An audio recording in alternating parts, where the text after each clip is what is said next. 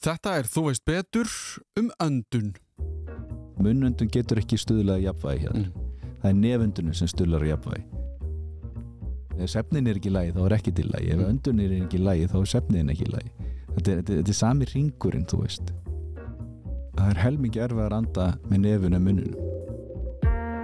Þá erum við farin aftur á stað á nýju ári og við ætlum að byrja á því sem saman okkur öll, andadrættinum. Ég rakst á bók fyrir jól eftir James Nestor sem heitir Andadráttur eða Breath. Mér fannst hún forutnileg og háma hana í mig en það var ekki nóg að lesa um þær villigötur sem við erum komin á varandi öndun. Ég var að kynna mér málið betur. Svo fyrst í þáttur ársins 2023 fer í það að kjarn okkur huga að vélinni sem keirir okkur áfram og komast að því hvort að hún sé rétt stilt. Til þess að fara yfir þetta með mér fekk ég til mín Vilhjálm Andra sem hefur þjálfað fjöldan allan af fólki í því að anda rétt til þess að líða betur og virka betur.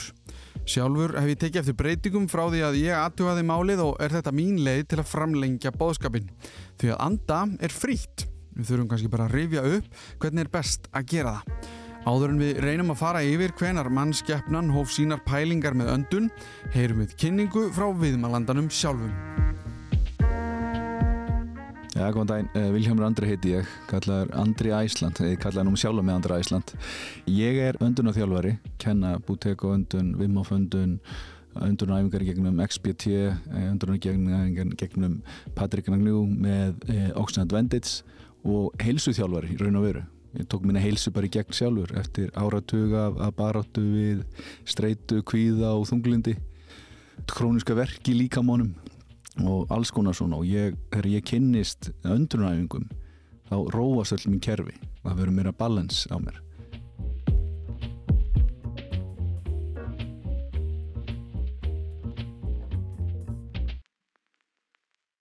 Ég er bara áhugavert að lesa um þetta og sjá þetta að, að þetta var praktisera, þú veist, þegar börnin voru brjósti og, og, og í, í þann tíma þá voru börnin lengi á brjósti. Og þau voru ekki bara brjósti í eitt ár skilur, þau voru brjósti mörg, mörg, mörg ár. Og þjálfa nefið, nota beni, sko, koma nefin í gang sem er, skiptur öllum máli. Já, það er áhugavert að sjá það að þeir, til og með smæður, er að tóku börnin af brjóstum hérna, fyrir, í, í, í gömlum, gömlum, fyrir sko hundruðum, hundruðum árum síðan og jafnvel þúsund árum síðan segir að þá lokuðu þeir munnunum til þess að halda munnunum lokunum. Munnurinn er ekki hannaður til að anda, anda. Það, er, það er nefið okkar og þetta er áhugavert bara að fylgjast með hva, hvaðan, hvað þetta kemur en, en ef við skoðum hauskúpur 500 ára aftur í tíman og þetta er bara, það er þetta að skoða þetta hvar sem er þá erum við að sjá beina og stóra tennunar, alla fínar, beinar og fínar stóri kjálkar, gott nefop gott flæð og öllu Rúðið fyrir 400 ár, þá byrjar þetta að skekkjast 300 ára, ennþá meira, 200 ára meira og ennþá meira og ennþá meira. Og það sem breytist þarna er þægindin, það verður, við þurfum að tyggja minna. Maturum verður mýgri, brauðu verður mýgra og ef þú notar ekki kjálkanum mikið þá breytist andlið og þetta sjá þetta bara á hauskubónum þeir eru skoðað þær.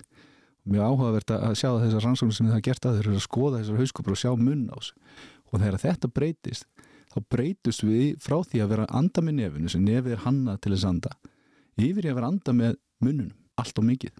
Þú lifir auðvitað því að anda með munnunum það er, það er ekkit að því nema þú ert ekki að fá allar þessar fylgningar þú ert ekki að fá all kerfin sem eiga að vinna sem nefið gerir. Nefið að reynsar út og fylgtirar út þessar miljónir partikól sem er í loftinu. Það býr til nitric oxide sem er æðavíkandi það heldur nefin að þeir heitu þegar þú andar út og inn það er ekki held sama rakast í á því. Mm. og það þrýstirsjafnar þrýstirjafnar loftið ára fer inn í lungun sem ekki smá flókið hvernig þetta þarf að komast inn. Og súrefni er okkar helstu orkugjafi. Og þegar hefur skoðað þetta nitric oxide þá hefur séð það að, að það er vinnur á, á vírusum og bakterjum bara uh, magnaði að sjá þetta á rannsóknarstofum þegar við setja það í Mm. bitridation það bara drepa það niður. Og þannig að þetta er alltaf að vinna saman allt þetta kerfi. Mm. og ef þú andar með munnunum þá færðu ekki það þessu þú missur allir þessari fylgningu, þú missur öllu þessu Mhm. og þú tapar 41% með raka út um munnin þannig að þegar þú ert að hlaupa þú ert að móður, 41% með raki eins gott að bara vera með vassbrúsan hliðin á sér að drekka og hjarta þetta er að reyna allt og mikið á sig, það er allt og mikið til fleiri en þú stillir þið af, nota nefið það heldur miklu meira jafnvægi Mm. hjarsláttunum verður hægar og legur þú getur hlaupið mjög meira en þú þarf kannski að hlaupa hægar til að byrja með með að stilla þið af með að koma þér í gang Mm. þannig að nefið eins og ég segi anda með nefinu, við hefum nú heyrt alveg um þetta að anda með nefinu. Yfir höfu veit fólki ekki hvort það sé anda með nefinu eða minnunum það rannsóknir segja 60% af fólki sé anda að heiminum, sé anda meira með minnunum heldur en nefinu. Mm. vakna með þurra munn á mótnana þetta, þetta hefur allt tvílík áhrif Mhm. og þetta er ekki eitthvað nýtt sem við erum að skoða þetta er ekki eitthvað svona skipti máli hvernig þú andar. Þetta að skoða rannsóknir sko áratugi eftir í tíman með þessu. Og þetta er hann út um allt bæði frá hann, hann Stanford frá uh, medikali hérna Harvard og, og, við höfum að sjá hvað, hversu, mikilvæg andadrátturinn er og það maður er fyrstulega að skoða hann. 50% af börnunum okkar anda meira um munnunum meiri síra upp í tennurnar tyggi ekki nóg, skakka tennur. Það eru tannlæknar fyrir áratugum búin að vera að vinna með þetta að laga og passa að láta börni fara að anda með nefin andlitaði breytist það breytist eða hvort þú anda með nefin eða munnunum og þetta er rosalega áhugavert að því að já, við fæðumst bara inn inn í heim veist, við, við spáum ekkert í þessu en, en það er andrátturinn er búin að breyta síðan þú fættist að hann er tengdu streitu þú spáir í því. Ef ég hækka rödduna mínu núna fyrir að tala mjög hérna, heyrðu, þá er þetta, búm, lítum maður í kringu sig. Kerfin okkar fyrir í ganga því að, heyrðu, hvað er í gangi, er ykkur hætta? Svo sér maður það, nei, en ekki hætta að róma sér niður. Þú er ekkit val sem unga bann, það verður eftir fóröldranum í kringu þig, það verður eftir áreitinu sem er í kringu þig, þú er ekkit val með það ef fóröldri kemur heim og þú ert kannski sem unga bann að skrýða um á gólfinu nálægt einhverju hættu og ég kem heim sem fóröldri og hef ekki búin að hafa neinn aðferði til þess að halda skapinu mér í lægi eða vera ok, það var bara mjög erfiðu dagur. Og hvar bitnar það? Það bitnar það á fólki í kringum. Það, það gerist, það þekki allir það. Ef maður er vondu skapi það að fer á aðra í kringu sig. Og hvað gerist ef ég sé badni vera að skrýða þarna og nálega einhverju hættu Jú, ég ætti að koma og taka það bara upp og færa það en að því að það var erfiðu dagur eins og lífið er það er, það er, það er erfitt, það er alls konar að, að þá hækka ég röddina og bara bara, ab, ab, ab, komdu hérna. Bara þetta býr til aðeins búm, búm, öran, hjarslátt, hjarta fyrir upp að því að leiðu fórum áreiti inn í hugan leiðu heyrum það þá fer öndurinn í ganga því öndurinn er bara vel hún er beintengingin og tögjur það, það, það tengir saman, andadrátturinn og hugurinn, það er ekki hægt að slíta þetta frá. Og svo er hún aðeins eldri, hægt kannski að leika með boltan inni og hérna sparkar niður hérna bara vasánum eða sjónvarpinu. Og ég kem heim sem fóröldri og sé þetta. Og þetta var ekki alveg það sem ég búin að tala um kannski búin að tala um og ættir ekki með boltan inni. Hvað ger ég? Ég segi, jú, heyrðu inn í herbyggi með það mjög eðlegt krakkin var að gera eitthvað sem átti ekki að gera. Mm -hmm.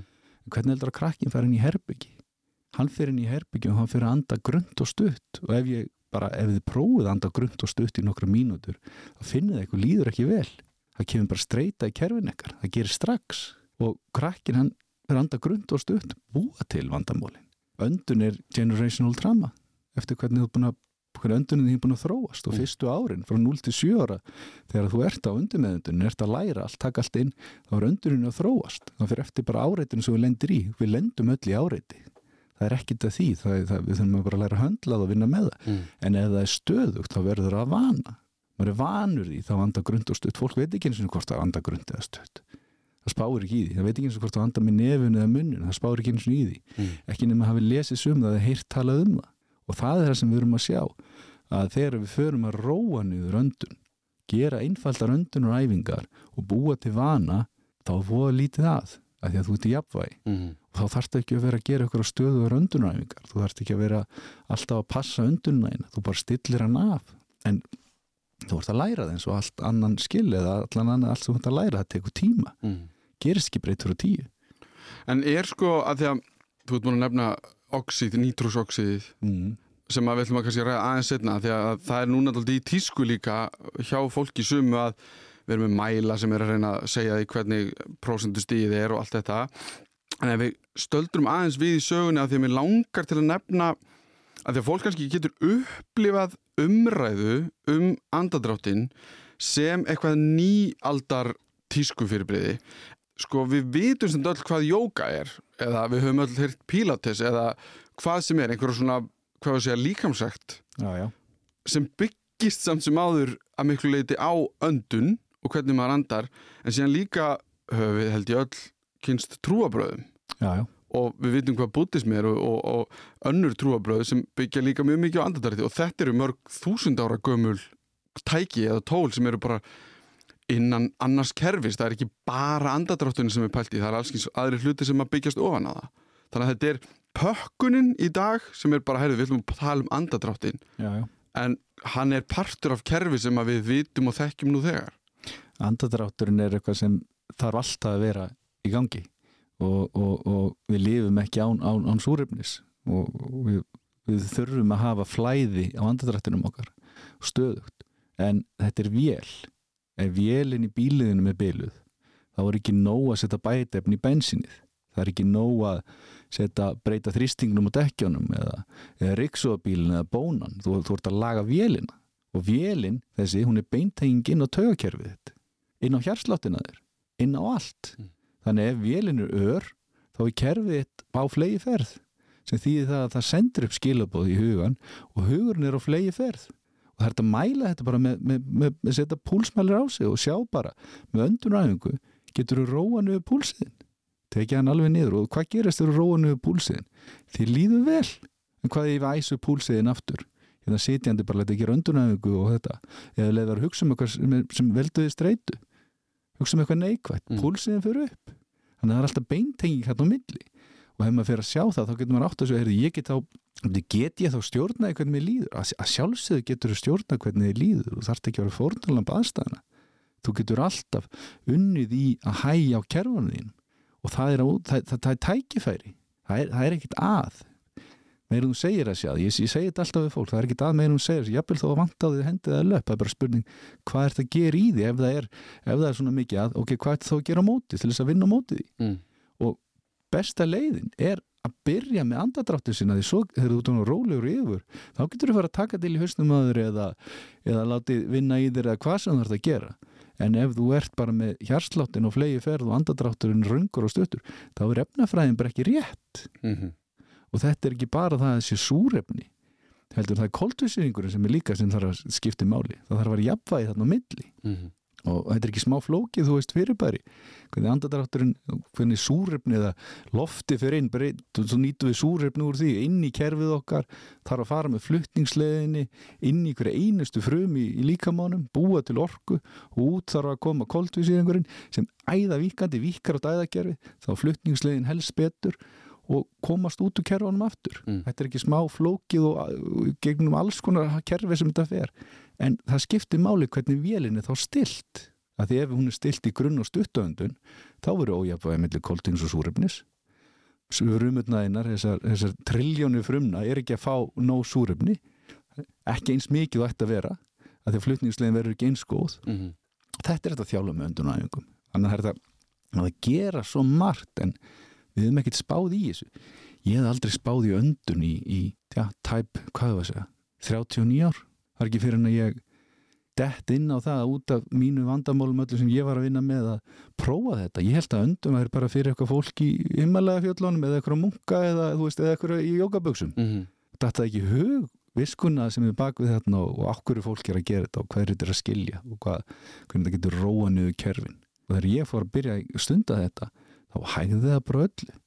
Ég, ég er með að kenna um 5.000 manns eitthvað svo leis á öndunaræfingar vimmafafrafræði bútekoöndun uh, oxidandvendits, alls konar að læra bara að róa niður kerfin sín og það er mísjönd hvernig, hvernig þú nýtir þetta og hvernig þú tekur þetta inn og hvað þú þarfst að gera og sögurnar sem ég hef hjá fólki bara sögur af eitthvað svona einföldum öndunaræfingum bara eins og með dæsið Mm. tökum bara dæsið sem dæmi þegar þú dæsir, jú tök allir í persónulega það, það, það, það, það er nokkuð þannig Mm. mm. því að það var dæst yfir okkur sem börn. Aftur hérna generational trauma sem ég var að tala um. Hvernig var dæst yfir sem barn, jú það var hort kannski á því og þú varst ekki búin að gera hérna heimavinn og þá kom inn í herbyggju og bara ertu ekki? Alveg eins og bróðin þetta þetta býr til streitu og annað. En, en dæsið, það dæs allir þegar kemur streita inn í kerfið. Mm -hmm. og þeir dettur ekki í huga dæsa hjá flest öllum þú kemur ekki heim eftir erfiðan dag og allir drastli og segir djöðlega allir hendi gott dæs núna? Nei, þú, þú opnar ekki ískápin og, og hérna búið að borða samlokunæðin og segir bara núna allir ég að dæsa. Það gerist automatist, ákvöru það búið að byggjast upp streyta í kerfuninu og svo sérðu þetta og þetta var bara sem fylgti mælin og Mm. hvað gerist? Þú kannski skellir hurðinni og bara kemur þessi og þetta er svona pyrringstæs það ger allir þetta svo lengi sem mennskur út með lungu þá, þá, þá, þá gerur þetta. Mhm. en það að detta í hug að viljandi dæsa þá förum við bara vitnum beint í Stanford Andrew Huberman, rannsóknir sem þau gerðu þar. Og þeir byggu til svolítið sem kallaðist doppel innheli eða tvöfalt i- inn. Þannig að þú andar inn og svo lengir út útunduna Mm. gerir þetta nokkru sinnum.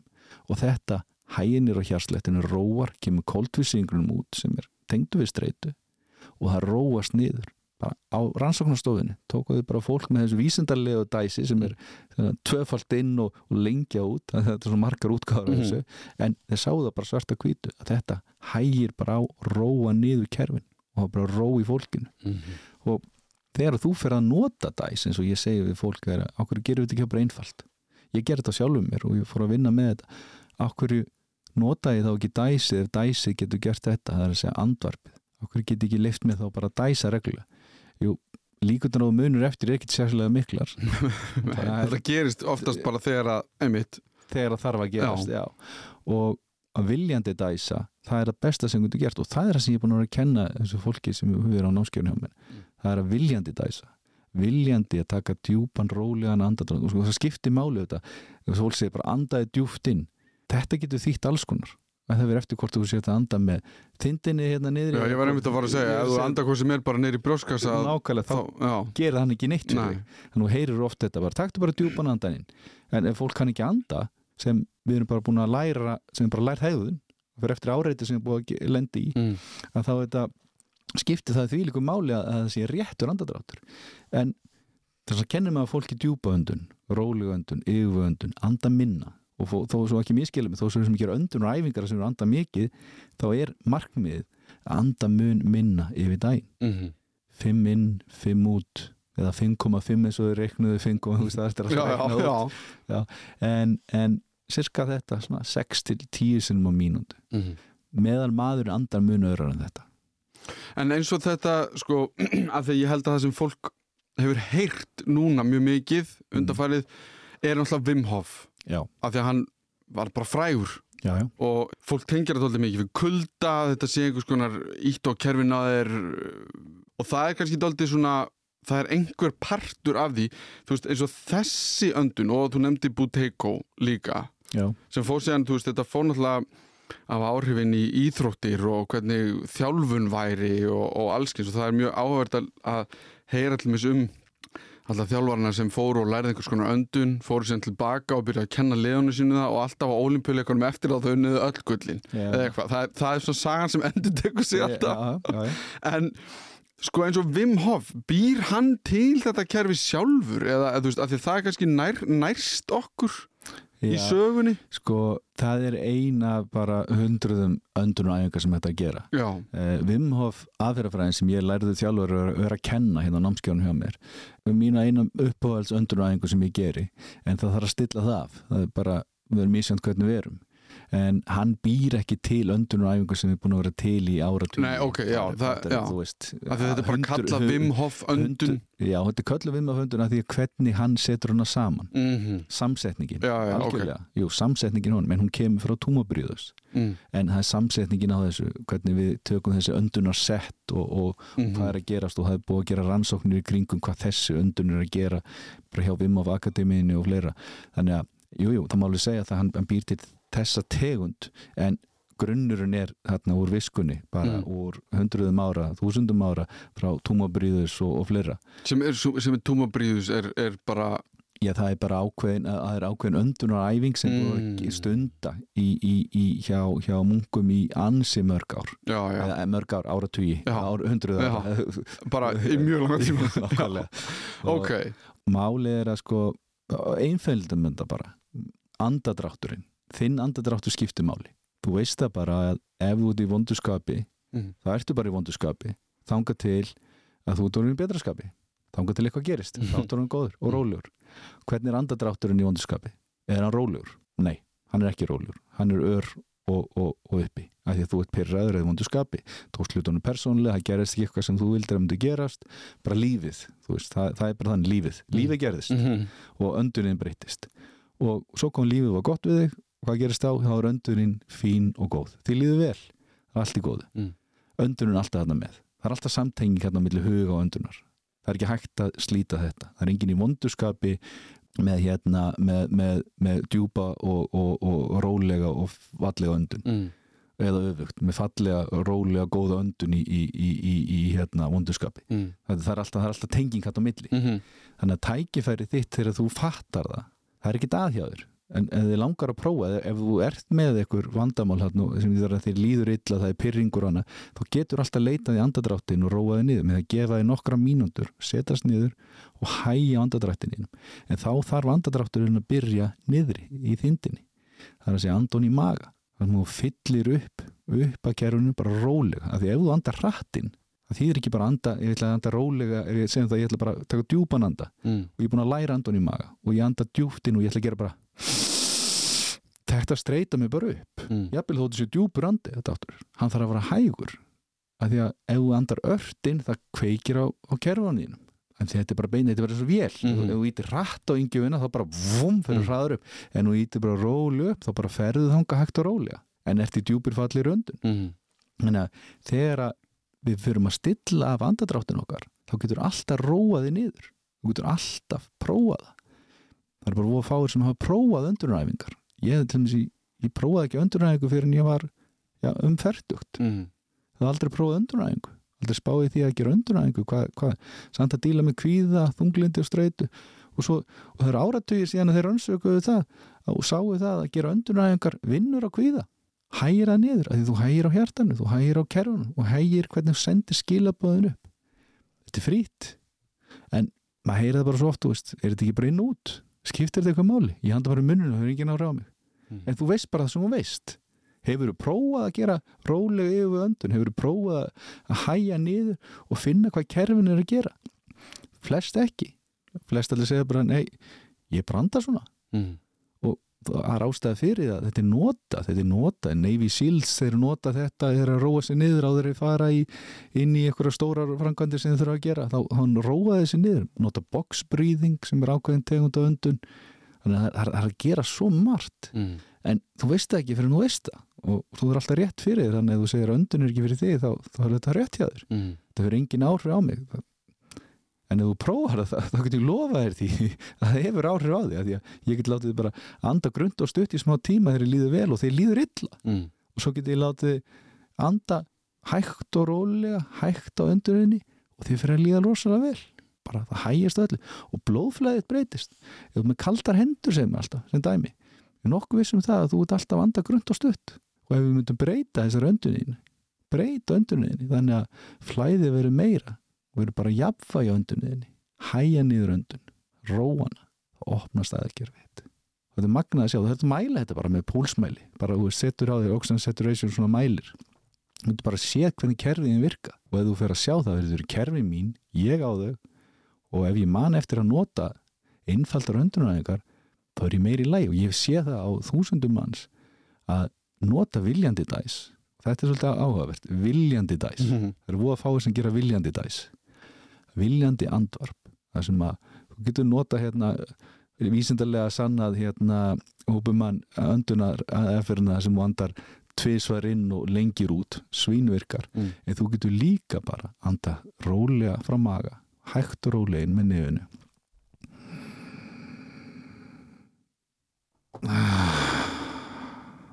Og dæs bara út. Eitt svona. En til þess að bjóti vanan þá ertu að nota síman þú Mm. ert að nota tæknina stilla klukkuna eina hálftíma fresti. Kortisresti klukktíma fresti ekki minni það. Næstu þrjár, fjóra vikurnar. Það sem að það kemur upp áminning sem segir, heyrðu, manstu þú ert ok. Þannig að hann er þetta hæja öndunniðinni, þú ert að rjúfa kannski slæma e-maili sem þú varst að fá. Eða vondaskapið eða í umferðinni eða helviti snjórin eða eitthvað. Og allt í hennu kemur hérna áminningi síman og segir, heyrðu, manstu og þú kveikir á þá slökunatögakjöru líkamann sem er þá parasympatíska tögakerfið þitt. Og rannsóknir sína fram á það að útöndurinn okkar kveikir á því kerfi. En ef þú andar bara eftir áreiti þá ertu ekki að kveikja á því kerfi. Eða því að ef það er umferð og þú ert að reyna að drífa þetta og setn og grakkina voru að mættur eða hvað sem er þá ertu grunnur stuttu öndun. Sem því að þú ert ekki á sympat, parasympatíska tögakeruninu sem er þá slökun og tögakeru líkamans þannig að þú ert frekar að senda bara streytu skilabóð upp, upp, Mm. upp og kortisólur uppi. Upp, upp, upp, upp, upp. En svo kemur símin allt inn og segir, heyrðu hætti þessu, andaði inn.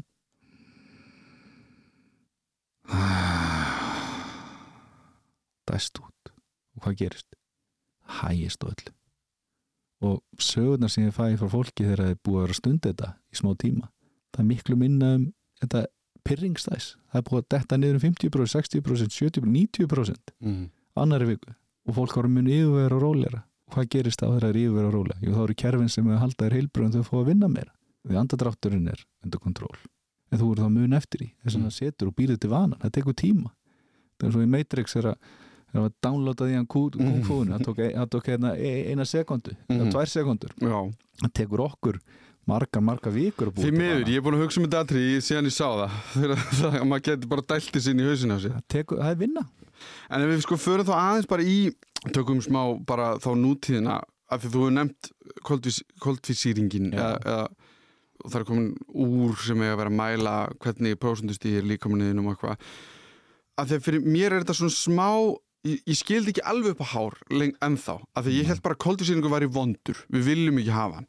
Já. þú veist, við viljum bara fá sem mest reynd súrefni ofan í okkur og þá erum við bara tip-top sko, Nei. þessi kerfi, getur þú aðeins farið í bara, bara þegar við öndum inn hvað er að gera og hvað er þessi koldvísýringur að gera? Sko, það þarf að vera jafnvægi á milli súrefnis og, og koldvísings í líkamann, það þarf að vera jafnvægi og eins og þú talar um að koldvísing, fólk heldur ofta að við þurfum bara ná súrefni. Þurfum bara súrefni, súrefni, súrefni. Þurfum bara að kaupum súrefni, fá reynt súrefni. Þurfum Mhm. bara í súrefnisbarinn og bara nóg súrefni. Koldvísingurinn er likku við mikilvægari heldur en, heldur en súrefni. Þú veist, þú getur ekki lifað án súrefni þannig að þetta er bæði jafn mikilvæg mm.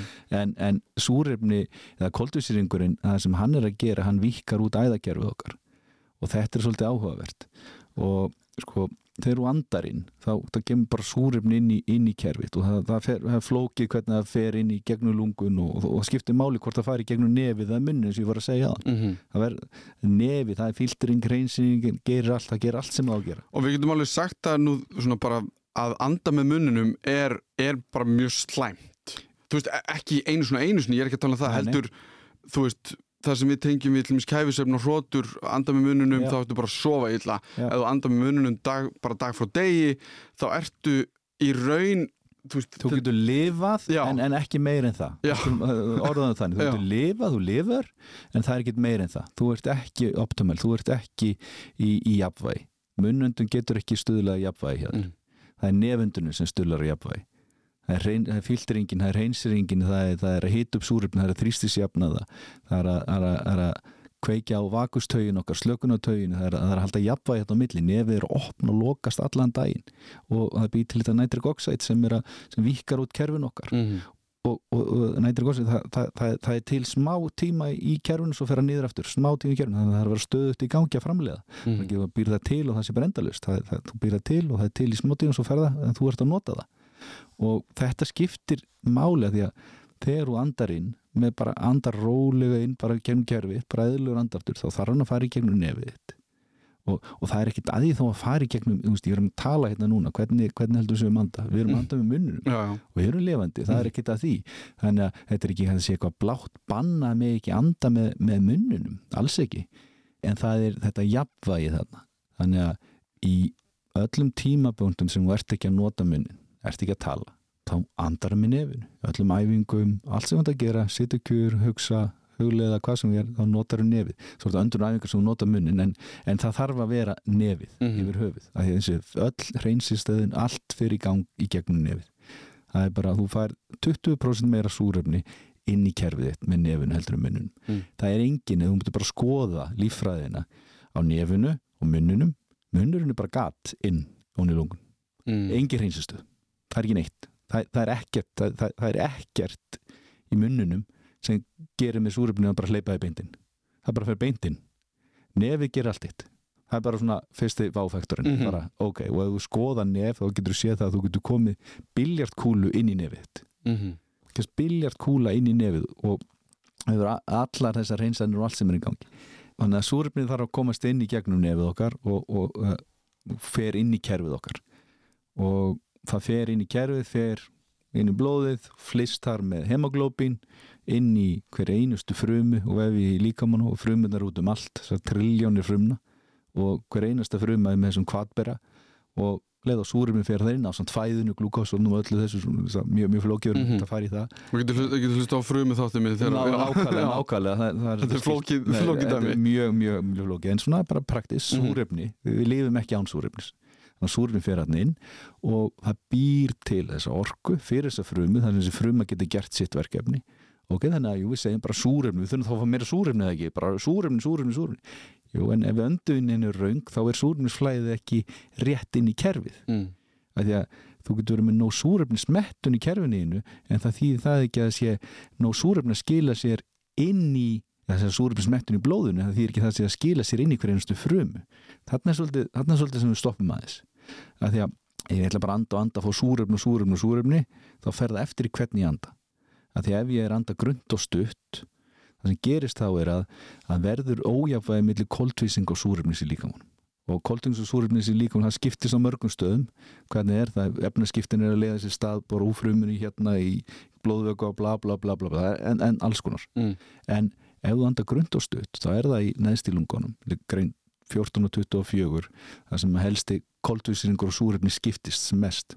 Og ef það er ójafvæði þessu sem er þá þegar þú andar grund og stutt að þá heldur blóðið eða hemoglópinuð okkar meira í súrefnið heldur en það á að gera. Strætóbílsturinn verður fyrir eitthvað fúll skum orðað þannig, mm. fluttningsbílsturinn mm -hmm.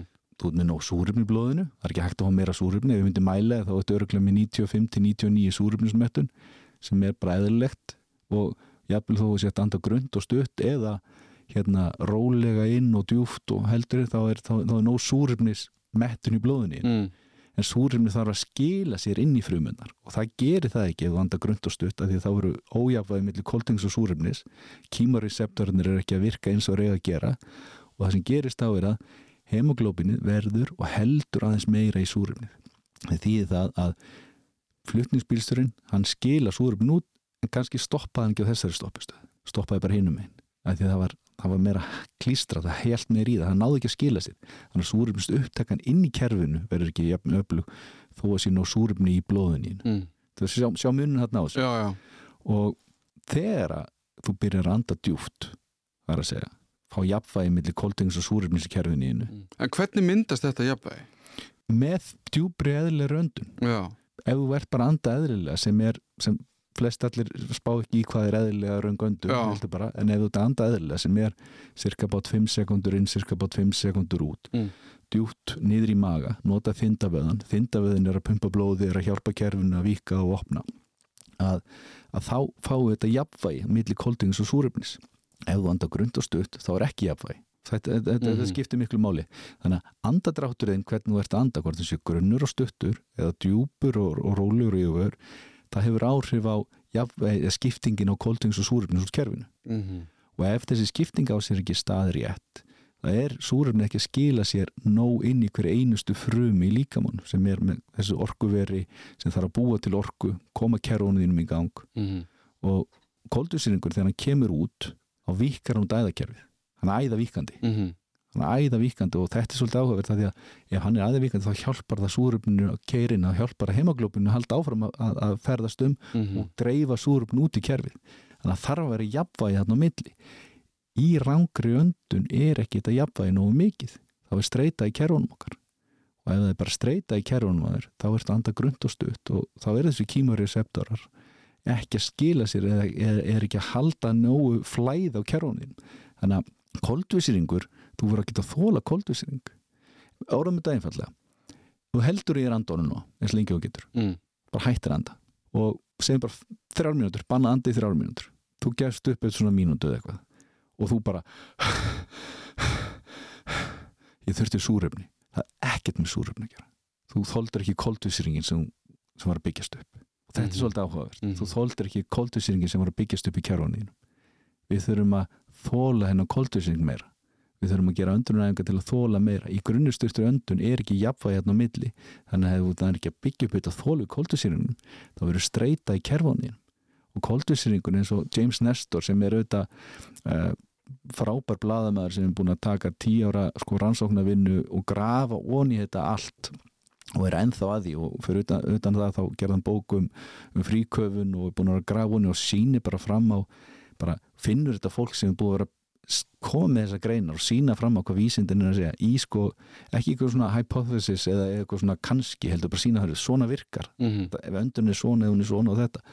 Og hann er búin að taka þetta saman í svo frábæru bók brett og sína fram á þetta og ef þú lest þessa bók þá sérðu, heyrðu wow, þetta er svolítið áhugavert, kannski ætlum ég að skoða þetta. Mm. og hann segir alltaf já, koltusýringurinn það, það liggur við hans í mikið vegri heldur en súrum en það fyrir þá eftir hvernig þú ert að anda.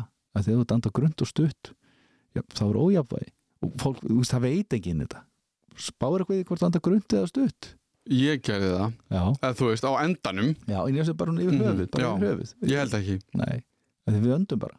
Og það þarf að vera jafnvægi á milli og þetta er þetta er auðvitað bara, þetta er, áhuga, þetta er rosalega áhugavert og það er þetta að ræða þetta fram og tilbaka og það er þetta að fá alls konar sérfræðinga með hinnur og þessar skoðanir á þessu og annað.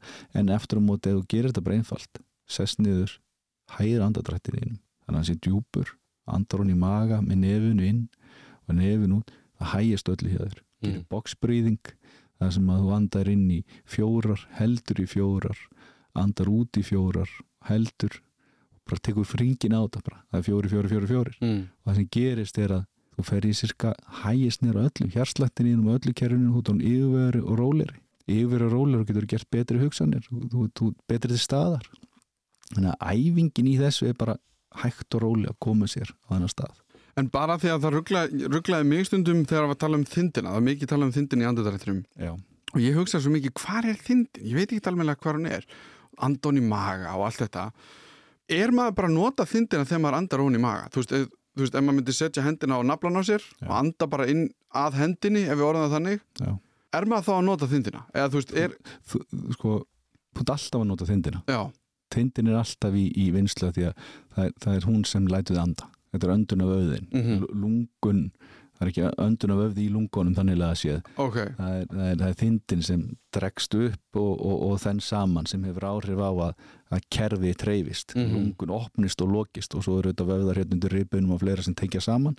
En, en þindavöðin er þessi dagstagli öndun af öfði mm og ef þú þetta anda grund og stutt þá er þindavöðin bara ekki eins öflugur eins og ná að vera já, emmitt. sem því það að önduninu við nóttina þá er, er þá ekki eins góðin eins og að vera þannig að þetta, veist, þetta, er að finna jafnfæði þarna milli Já, og þetta er alveg mikilvæg nefnilega með sko, þú sagði þetta er vöðvi sko, Já.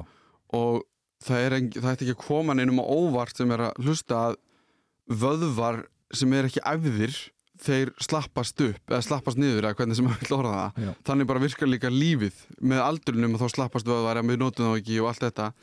Þannig að ég ímynda mig bara ef að þú ert einmitt að anda stutt og grund og þindin einhvern veginn alltaf svona í hálgerðu frí hún er ekki að gera mikið hún ætti að vera að gera eða getur gert að þá verður hún alltaf verri og verri eða þú veist verri og verri, slappar og slappari eða hvernig sem við getum orðað og, og, og spáðu svo í þessu að, að hérna, það er helmingi erfið að anda með nefuna mununum mm. getur ímyndar og sért í ræktinni með eitt kíló, það er anda með mununum þú komið með aðeins fleiri kíló á þegar þú ert anda með nefinu, mm. hvernig heldur vöðin stækki? Heldur hann stækki með eina kíló eða nokkrum ekstra kílóum á? Mm þannig að nefið þetta er að þjálfa. Það er helmingi erfiðar að anda með nefinu heldur um mununum þannig að þrengingin í nefinu sem styrkir þindaviðan okkar mm. og tengist niður á hann. Þannig að það þarf að halda þessum vöða í gangi. Mm. og fólk sem anda með mununum það, það er öðuldra og er það ekki líka vítarhingur að anda með munnunum eða þú að, já, að þú verður alltaf gjarnari á það að anda með munnunum ef þú and- anda með munnunum Jú, og, og, og þú missir þessa eiginleika sem nefið hefur það er að segja, þú, þú, þú, þú þjálfar yfir og það er auðveldara. Og hvað gerir við að það er auðveldara út að reyna á því, þá byrjar að mm -hmm. móður og hundur, þú veist. Bara strax bara og hefur andað svona þá er þetta hjartað er með ennþá meiri slag það er enn, ennþá, kerfið þetta er ennþá æstar uppi. Mm en ef þú stillir yfir á nefundum og hægist á öllu kerfinni það gerist það strax. -hmm. þannig eins og ég segi það er að, það er að allt er þetta jafnvæg í þessu.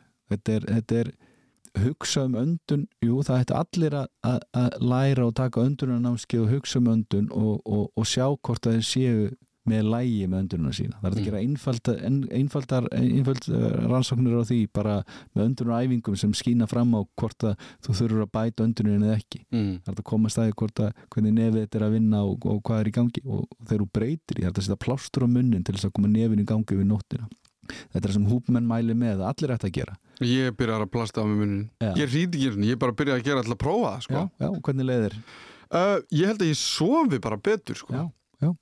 Já, við erum ekki að teipa munnin lokaðan sko. Nei, nei. er bara að hafa það á hreinu sko. Það er ekki að setja dögteip á munnin Nei, það er ekki að gera það, það er ákveðin svona majóteip sem við erum að selja bara sem, sem fari kringum munnin. Mm. Já, þannig að þú getur opnað munnin og allt þetta en þú kemur nefin í gang. Bara, já, við mann hjá mér sem var að mæla sefni sinn og hann var í tveimur og hálfum tíma í djúpsefni, það var bara hans hann var bara að meðatali tveir og hálfum tími. Mm. fór ekki við það. Og hann bara, á, þetta- hann var, hann var ágætlega sáttu við það. Þetta var bara sem hann búin að vinna með hann prófaði að teipa á sig munnin og fyrsta degi og bætti hann klukkutíma. Mm. klukkutíma djúpsefni. Það skiptir máli. Það, það skiptir öllu máli. Að djúpsefnin sé í lagi. Svefni, sefnin er ekki í lagi þá er ekki til lagi. Ef Mm. öndunir er ekki í lagi þá er sefnin ekki í lagi. Þetta er, þetta, er- sami ringurinn þú veist. Maður þarf, að- maður þarf að skoða þetta átt að sjá að, að dagstæli og öndun skiptir máli. Anda minna og það er að gera æfingar í því að anda minna átt að sjá því. Það er þetta, það er að stækka lungun okkar. Við getum, við getum stækka lungun með öndunaræfingum við hefum sér fríkafar að fara við erum með 6 lítra, að 6 lítrum misjandi hvernig við erum byggðskilur en, en talaði um það, svona average sé 6, upp, upp að 6 lítrum. Við hefum sér fríkafara sem hafa aukið þetta. Já, um 4 lítra. Já einmitt. Já, við hefum séð fólk sem hefur verið með öndunar vandamál að stækka meira vinstra lunga heldur en hæra lunga með öndunaræfingum mm. Unni með ryggskekkju þetta, þetta, þetta er rannsóknir síðan 1950, 60, 70 voru konu gefið rittarakrossin í Þýskalandi sem voru að hjálpa konum, hún lagaði sín eigin ryggskekkju með öndunaræfingum. Og svo fór hún að vinna með öðrum konum og, hún útskrifaði þær hérna að laga hryggskekkjunni að þeim.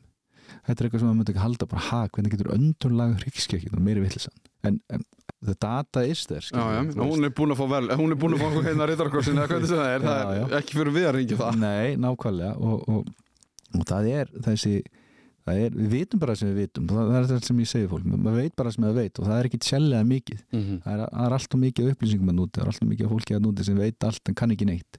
Og það er þetta í praktis skilur og ef það er eitthvað að þá fyrsta sem þú ert að spurja þig bara hei, en hvað er ég að gera í því, hvernig er öndunum mín? Mm. því Mm. öndunum er vélið mín. Bara það að setja inn app þar sem hún stillir öndununa hérna á 5 sekundur inn og 5 sekundur út. Gerir þetta í nokkra mínútur, sest niður setja klukkun á 5 mínútur eða 3 mínútur og prófa bara, ég vil bara mínútu.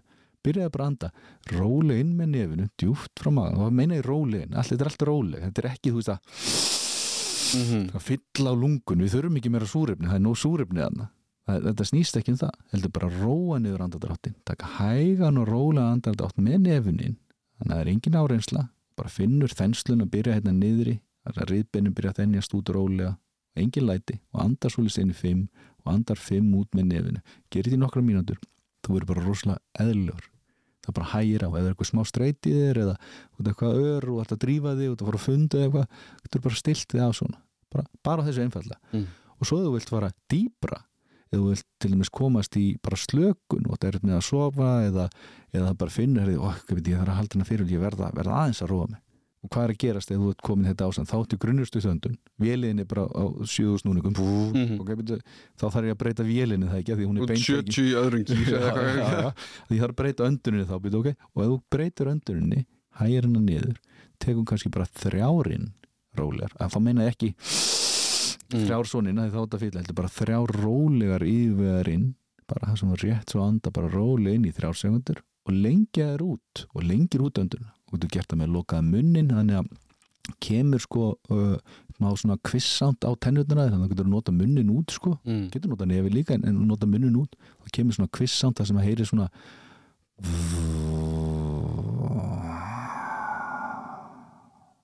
hægir á henni svona út. Þannig að hún nái 6 sekund Mm.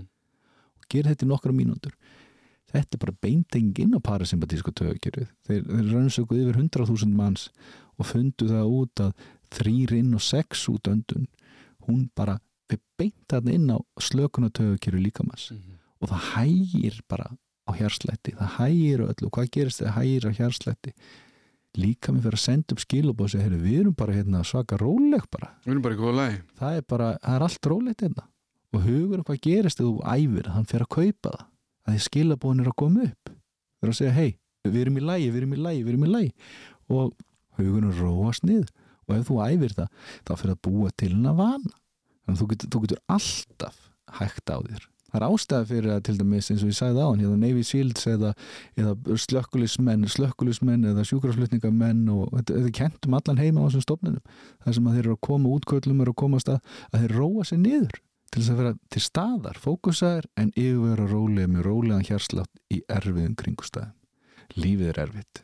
Okkur lærur þá ekki á vélnæin í staðan fyrir að vera fórnalampið af þú veist aðstafan og hafa ekki stjórn á vélniðinni að því þú vondu skapi, að því þú tókst hlutunum persónulega. En hvernig er öndunniðinu þá? Ég get lofa þér, ég bara næst, taktu bara eftir því. Næst að þið líður illa eða þú ert í vondu skapi, út pyrraður taka hlutunum persónulega þarf að kommenta á Facebook út af einhverju eða eitthvað skoða öndunniðina ég get lofa þér því að þú ert ekki að anda hérna fimm inn og fimm út. Ég get, ég get lofa þér því. Og ef þú værir að anda fimm inn og fimm út já, þá værið ekki að kommenta hann á Facebook. Var eitthvað öllu sama. Já. Já. þá værið þið bara sama. Og, og það er róar hugan þannig að það er æfingin, þetta er æfing. Ég er ekki að segja að þetta sé lausn við öllu en, en, en, en þetta er lausn við svo mörgu. Og þetta er að sjá og ég sé þetta bara með mínu fólki sem ég hefur verið að vinna með bara algjörna breytingar á öllu hjarslætti með öllum kerfunum sín bara með, með háan blóðþristing með, með hjartavandamál, með alls konar. Það er þetta að nota svo mikið bara það að setja vatnið okkar í neða setja andlita okkar í kallt vatn það hægir á, á hjarslættinum okkar það kveikir á köfunar í flexun okkar hjarslættinum dettur niður bara aðeins að setja hann í vatn. Mm. líka hann byrja bara að undirbúa sig undir köfun. Þetta er köfunar í flex sem, sem bara, þetta er bara inn í líkamniðinum. Mm -hmm. og svo tekur öndun með þessu þrjár einn sex út, þá getur þú róaði niður. Og þetta er með að sofa. Þá getur þú tekið hérna öndun sem heitir uh, fjóra sekundur inn með nefinu rólega heldur í, í sjö sekundur og lengir út í átta. Þannig að fjórir sjö átta. Og þessu öndun hún bara það hægir öllu. Hægist á hjarslættin, það róar allt. Þannig að maður fyrir að vinna með þetta það er ekki nóg að tala um þetta það er að gera þetta Mm. ef það er eitthvað, það er annar mál. Ef það er eitthvað, ja, það er ekki eitthvað að sé það er eitthvað að öllum, en, en við sjáum samt til miður að, að 60% af, manginu er að anda meira með munnunum 50% af börnunum anda með munnunum og það er orsök og aflenga þessu öllu. Tökum við allt og snemma brjósti fá ekki að virkja henn að kjálka kjálkin breytist þetta það er að skoða þetta allt? Er, ef maður hefur tíma til þess þá er þetta að hérna í hafsjó að sko, fróðleik. Og, og við erum ekki að tala um bara eitthvað svona kannski mögulega rannsóknir heldur bara svona alvöru. Sem er búin að byrta í Nature eitt af virtastu tímarittónum fyrir mm. tímarittónum þar sem mennum byrta alvöru rannsóknir inn og sjá það bara, heyrðu, ok, öndur skiptir í máli. Og þá er þetta myndið að bara, heyrðu, ok, er þetta kannski fyrir mig? Ef þú ert með lungu manniska, já, þá er öndum fyrir þig. Það er nokkuð ljóst. Það er nokkuð ljóst. Framtíðin og öndun verður það að, að við verðum öll, öll orðin mun róleri og yfirveri að því að það mun allir andar rétt. Heldur það? Ég er nokkuð viss um það. Ég er svo hættur um að við séum að fara í mjöli í hinn áttuna Nei, ég, ég sé það bara því að við erum, erum sniðu og við, við, erum, við, erum, við erum svolítið klók og ef við getum gert eitthvað einfalt til að láta okkur líða betur þá gerum við það. Og þetta er einfalt. Vandamál í dag heitir bara of einfalt að við föttum það ekki þetta hlýtur að vera flóknara mm -hmm. að því mér líður svona. Ég get ekki bara laga með öndun það er ekki hægt, ég get ekki bara líðið betur með öndun, ég er með kvíða, ég er með svona ég er með þetta, ekki séns en hefur þú prófað, hefur þú prófað að setja það niður? Og það er engin, ekki, ekki miskilum mig. Ég var með kvíða og þunglindi og ADHD og, og neymit, ég var með öll, öll þessi vandamál. Ég var aldrei í lægi, ég var annarkvært í lægi eða ekki í lægi, ég var aldrei í jafnvægi. Mm -hmm. jafnvægi kynntist ég ekki fyrir en ég kynntist önduninu minni. Það er að segja, fór að gera öndunaræfingur eins og vimoföndununa uh, að læra fá jafnvægi kerfið mín, fá kortisóli mitt niður, streytuhormónið mm -hmm. við getum hækka upp streytuhormónuð okkar bara með því að fara að hugsa ránt en hvað gerist þegar þú hugsa ránt og hugsa um streytu önduðin breytist það, það, það, mm -hmm. það er ekki hægt að þú, það er ekki hægt að bara hækka kortisóli sitt í djúbri róli röndun mm -hmm. það fer upp með að því andadráttunni fylgir Mhm. að þetta er partur að því þannig að það er alltaf tækifæri hér að byrja öndunni fólk segir, ég get ekki hugleitt.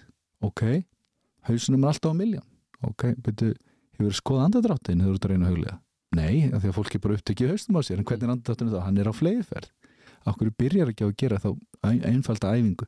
Anda þrýrinn og sex út eða fimminn og fimm út eða taka hérna fjórir, sjö, átta eða boksbrýðing Akkur gerur það ekki nokkra mínútur og prófur að huglega svo? Getur lofaði því að það tekur það allt annan stað og getur ímyndaði þá að þú nota tæknina lætur símaðinn minnað á kortusresti, hálftímafresti klukkutímafresti segja bara hei, er þetta ekki ok? Þetta er mm. djúpan rólega inn. Lendu, þú ert með þetta. Og þú gerir þetta aftur aftur þá verður þetta orsöku afleng æmálið Þá erum við komin að leiðaralokum Ég vona að pælingarnar sem komu fram í þættunum hafi hillað frekar en hrind frá það er nefnilega stór merkilegt hvað gerist þegar við tökum okkur smá tíma í að anda hægt og rólega með nefinu og ofan í maga Það er aðferðir sem Andri nefndi hér er auðvelt að prófa heima. Það er til dæmis hægt að ná í forrið sem heitir Paced Breathing sem sérum að tímasetja okkur vel og það er frítt. Einnig er hægt að notast við klukkuna í símanum og til upprifunar er fínt að byrja að prófa bara rúmar 5 sekundur inn og 5 sekundur út í nokkra mínútur. Ég vil bara eina mínútu til að byrja með. Til að selja ykkur hugmyndina þá ákvæði ég að leiða ykkur bara að prófa og hér eru 45 sekundur af 5,5 sekundu inn og 5,5 sekundu út. Prófið bara að setja hendina á naflan og anda þangað ef þið skiljið hvað ég við gegnum nefið og fylgja bara eftir hljóðinu. Og ég lof ykkur að þið finnið hvernig þið róist.